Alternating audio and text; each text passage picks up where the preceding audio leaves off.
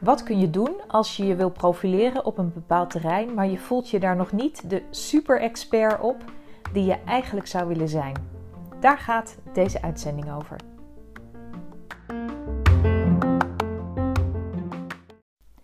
Een van mijn klanten is psychotherapeut. En zij heeft een heleboel ervaring en een heleboel kennis op het vlak van menselijke relaties. Dus hoe verhoud je je tot elkaar? Hoe kan je de verhouding die je met elkaar hebt verbeteren? Uh, hoe kan je die veiliger, uh, bloeiender maken? En zij is de stap aan het maken naar mens-hondrelaties. Dus dat betekent dat zij echt iets nieuws toevoegt, een nieuwe stap gaat maken op een terrein waar ook een heleboel hondentrainers zijn. Mensen met aantoonbare ervaring um, en aantoonbare kennis op het vlak van het gedrag van honden. En zij vroeg mij: hoe moet ik daarmee omgaan? Hoe kies ik nou een goede positie hierin, waardoor ik mezelf zichtbaar kan maken zonder dat ik het idee heb dat ik elke keer de beginneling hierin ben?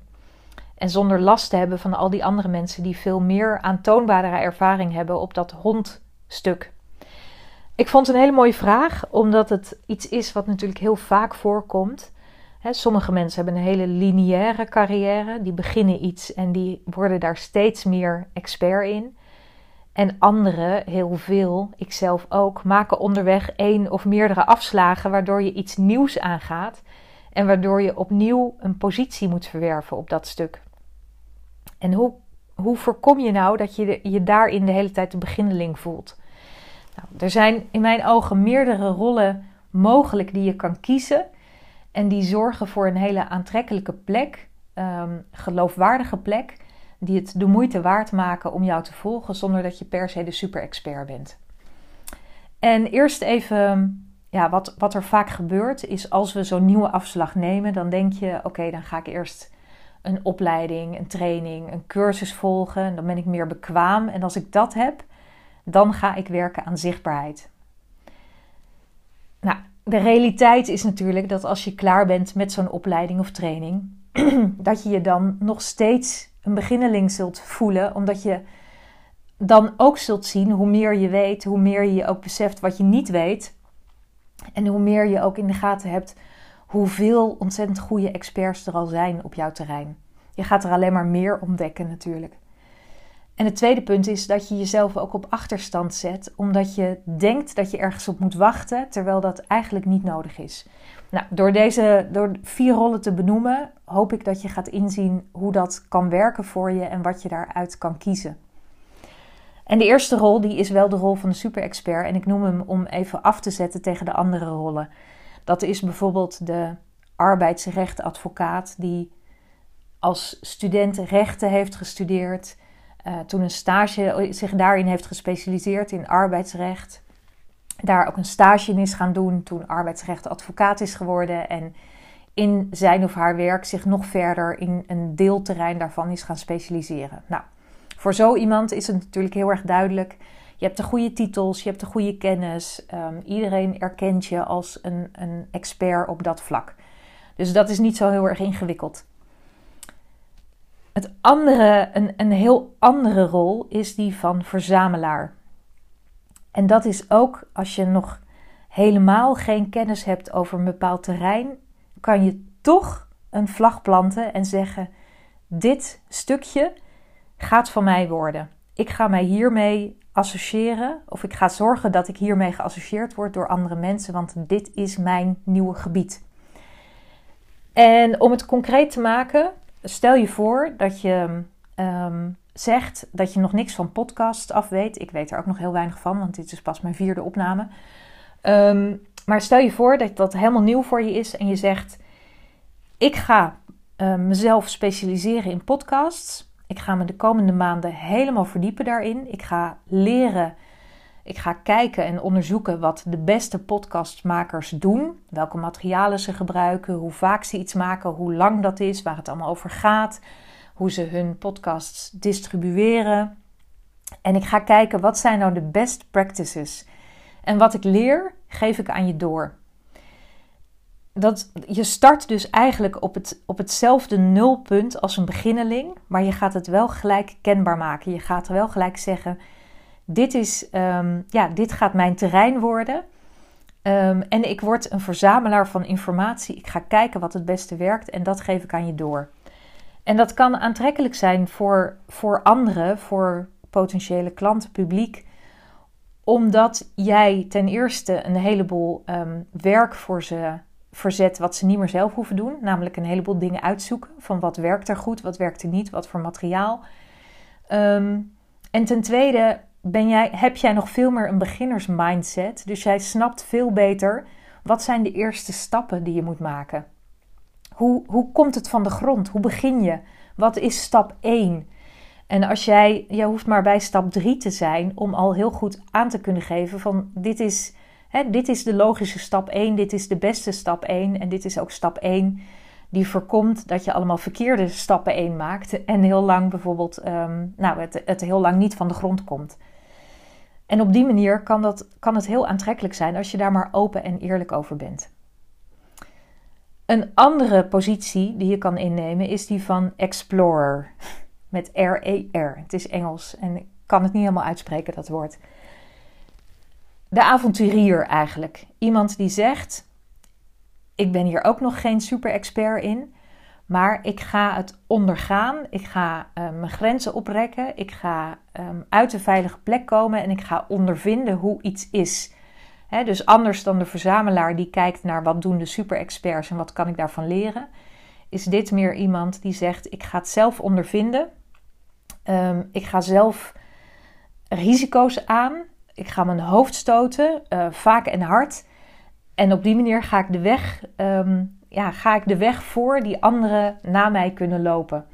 Dus dat is veel meer gestoeld op ook persoonlijke ervaring op um, ja, het, het fouten kunnen maken onderweg. Dat niet alles in één keer kloppend is. Maar wel van dit is, hè, dit is wat je aangaat dan. Dit is hoe, het voelt. Dit is wat je ervaart. En om dat concreet te maken, dat, um, het is hoe ik zelf ben begonnen met video. Um, ik had daar veel meer opleidingen en cursussen en uitzoekwerk voor kunnen doen. Maar ik zit zo niet in elkaar. Ik ben meer een doener. Dus ik ben gewoon begonnen met video. En ik heb wat ik tegenkwam onderweg aan ongemak, aan geklungel, dat heb ik gedeeld. En daardoor ben ik voor mensen een aantrekkelijk voorbeeld geworden om te volgen op het vlak van video. Of tenminste voor sommige mensen, natuurlijk lang niet voor iedereen, maar voor mijn doelgroep. Omdat ze zagen van, oh, dit is hoe je het toe kan passen. En dit is wat ik dan tegen ga komen onderweg. En dit is hoe het voelt. En dit is wat ik kan verwachten.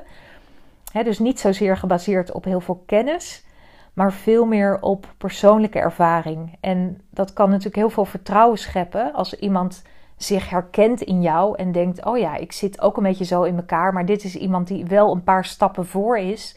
Iemand die wel dingen aandurft te gaan die ik nog spannend vind. Daarmee kan je ook minstens zo aantrekkelijk worden als de super-expert, omdat je veel meer het, het doen laat zien en de ervaring laat zien. Um, en de vierde rol tenslotte is die van leraar. Bijvoorbeeld een leiderschapscoach die helemaal niet alle opleidingen heeft gedaan voor, um, um, ja, alle, of alle boeken heeft gelezen over leiderschap en daar een academische opleiding voor heeft ge, gehad, maar wel iemand die bijvoorbeeld zelf die rol heeft gehad en nu echt de aandacht van zichzelf naar een ander wil richten. Dus wil kijken van wat heeft een ander nodig om in die rol te gaan bloeien. En dat is dan iemand die bijvoorbeeld heel erg aandachtig mee kan kijken en kan analyseren en heel erg goed mee kan luisteren en heel eerlijke feedback kan geven. En daarvoor hoef je ook niet de super expert te zijn, maar daarvoor moet je wel ja, daarvoor is het veel, veel beter of werkt het veel beter om gewoon aandacht te hebben en eerlijkheid te hebben en een, vertrouwenspersoon te zijn, bijvoorbeeld. van hoe, ja, als jij, um, als, als jij een leiderschapscoach bent, dan wil je natuurlijk mensen om je heen verzamelen die een leiderschapsrol hebben. En dan wil je hen aanmoedigen om zich daar verder in te ontwikkelen. En kijken wat hebben zij nodig om de volgende stap te maken. En bijvoorbeeld wat past bij hun van alle manieren waarop je een leiderschapsrol kan invullen. Wat past er nou bij deze specifieke persoon? Waar loopt deze specifieke persoon tegenaan? Wat heeft deze persoon nodig om een volgende stap te kunnen maken? Dus veel meer de steunpilaar met de aandacht op de ander ehm, dan op eigen ontwikkeling of eigen kennis. En dat is ook een, ja, vind ik, een andere rol dan per se zo'n super-expert die heel erg gedreven is op kennis. Ehm, maar je kan, je kan ook best ja, nog niet super ervaren zijn, maar wel je heel erg bekwamen bijvoorbeeld in dat, in dat aandachtige luisteren. En dat, ja, dat leer je natuurlijk ook heel erg door te doen.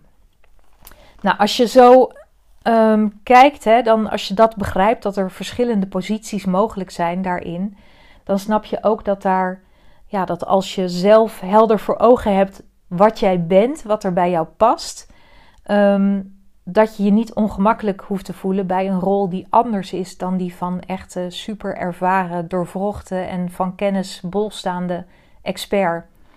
Maar dat iets anders ook geloofwaardig kan zijn en aantrekkelijk kan zijn om te volgen. Bijvoorbeeld omdat jij niet in jargon praat, omdat jij de beginnerspositie snapt, omdat jij snapt wat iemand als persoon nodig heeft om een stap te kunnen maken.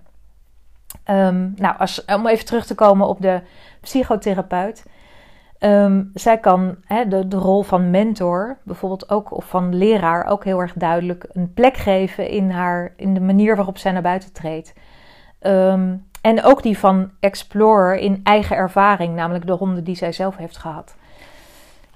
En als je dit, als je dit snapt en ziet en snapt dat elke rol, elke plek zijn eigen aantrekkelijkheid heeft en zijn eigen reden voor mensen om ja, daarnaar te kijken en dat te volgen, dan snap je ook dat, het, dat je je vrij kan voelen in elke rol en dat elke rol kloppend kan zijn.